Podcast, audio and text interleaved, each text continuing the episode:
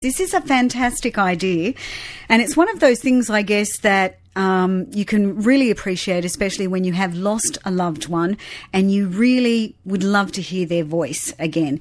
Dimity Brassell is in with us, an Albury based freelance writer and audio story collector. How are you, Dimity? I'm very well, thanks, Sandra. Your project, A Lasting Tale, how did you come up with this idea? Well, I'll try and make it short. Uh, back in 2011, um, my father and my sister both died within a very short period. And um, it was my first experience of, of that kind of loss. And um, they were both great achievers, and there was quite a lot of documented information, particularly about my father, that was written or photographs. But of course, um, these days, 2011 is is almost 10 years ago, and um, things like um, really great smartphones and audio and video, it just wasn't as easily available. So um, we don't have a lot of their voice or their stories. So if we then go forward to all of these years and I've uh, come to Albury and I've had my family and I've gotten really into podcasts.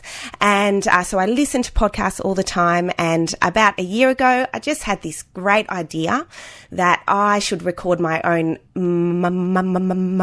mother who is in her uh, mid uh, uh, uh, 80s now.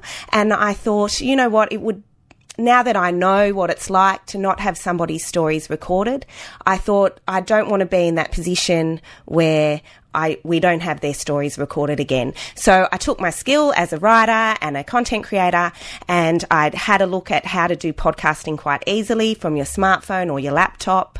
And then I thought, we can all pull that together. There's a lot of information out there on podcasting if you want it. What isn't out there is how you ask people questions, how you record history, what questions to ask to get the elderly or the sick or the dying people in your life talking. So that's now, why. This is, this is, when we were speaking off air, I was telling you about how I have basically tried to wrangle my own parents into recording their stories, but not recording in an audio version, I've given them books and, you know, with a, it starts the sentence, you know, you need to finish the sentence. They don't do it. They just mm. don't do it because it takes their time and I, I think it's a lot easier to, to talk about it and having that, you know, the voice of someone that you love who maybe is no longer with you is really something special.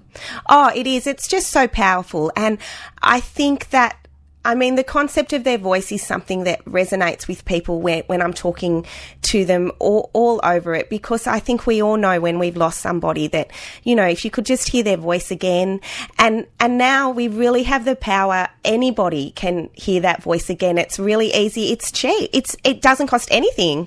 And I think that, um, I think that to hear their voice and to hear the story passed on in their own voice so your children or your grandchildren can hear that as well. And that is why I've decided to do it in an audio format. Um, I also think as people age and get older and they might want to record their own stories, I think that writing can get hard. It takes time. It feels like work. And thirdly, I think that, um, if you're choosing to interview an elderly uh, or a family member yourself, then you are giving them the gift of your time and listening to their story. And I really think that's a really important part as yeah, well. Good point. Good yeah. point. Dimity Brassell is with us, um, telling us about her project, A Lasting Tale. You mentioned um, those sort of prompting questions, and sometimes that can be really difficult because you know, you you might be looking at someone who's 70 or 80 years old and you think, well, gosh, where do I even start with getting some stories from them? That's right. And that's why I have um, published which is available on the website. I've available a, uh, I've published a full guide which has 66 questions. That that sounds like a lot, but you don't have to use all of them.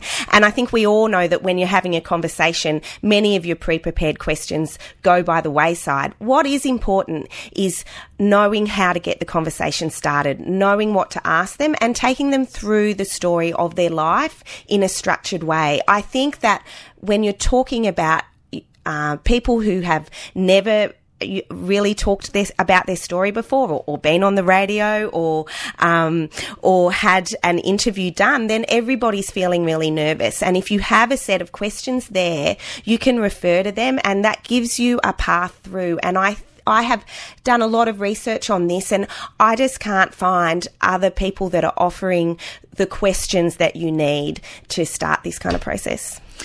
So, uh, with your project or with your, you know, program, I guess, A Lasting Tale, you also provide workshops?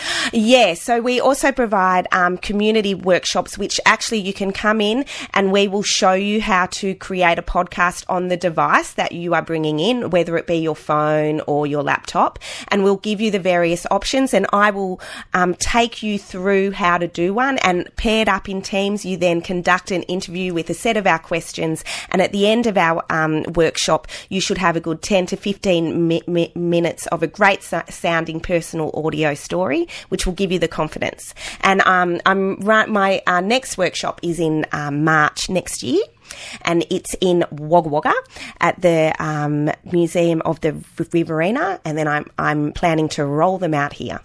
Now it's interesting, you know, that I guess a lot of um, different organisations like libraries and museums and things are really picking up on this oral history, and it seems like a logical choice that it's something that we could use with our own family and friends. But you're the one that came up with it, Dimity. I haven't seen anything else like this. Oh, that's great, Sandra. That's good. um, um, it's good when people who are in your game and who are in audio and have been in radio for so long haven't really thought of this. And I think that I'm getting a good response I'm on kicking that. myself. I know, thank you. Well, it's taken. Um, but, um, well, no, actually, that is a bit cheeky of me because actually a lot of this project is about just getting people talking about. And what I'm doing is I'm providing questions and tools to free audio. So, um, of course, I want you to go to a lasting tale, but what I really want is for people just to talk about it. And if you just go away and record some audio over Christmas and just have a go, then I feel I've achieved actually. Yeah,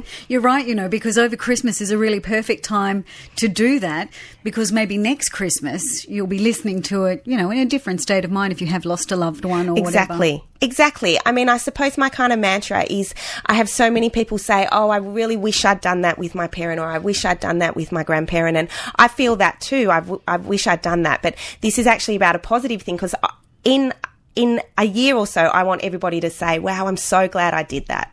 Now, you only launched this recently. Was it this yeah, September? Yes, yes, it was. Gosh, and what's the response been like? Oh, it's been great. So um, I also will go out and conduct audio interviews, and I've done several of those around the region Finley, Wagga, Sydney, Beechworth. And honestly, the stories I've been able to bring out, like I heard about Mary's trip to Iceland in the 90s, which back then that was quite crazy, and um, Nora, who just um, invested so much in educating her daughters and um, all of her children, and, and they're now very successful people um, around here. And um, the, the value she placed on that was just really amazing.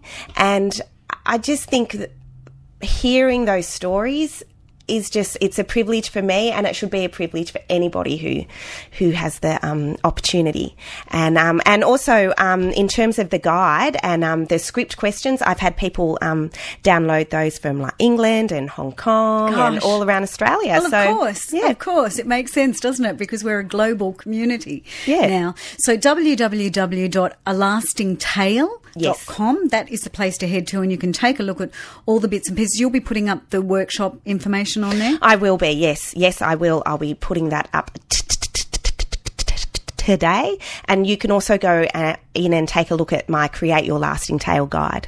I just think it's a wonderful idea and so great to hear about it at Christmas time so I can get on board and try and do this. Absolutely. I've just got to wrangle mum and dad into a stationary position. Absolutely, absolutely. nice cup of tea, perhaps. Absolutely. Dimity Brassell, lovely to speak with you. Thank you so much for coming in. Cheers. Thanks.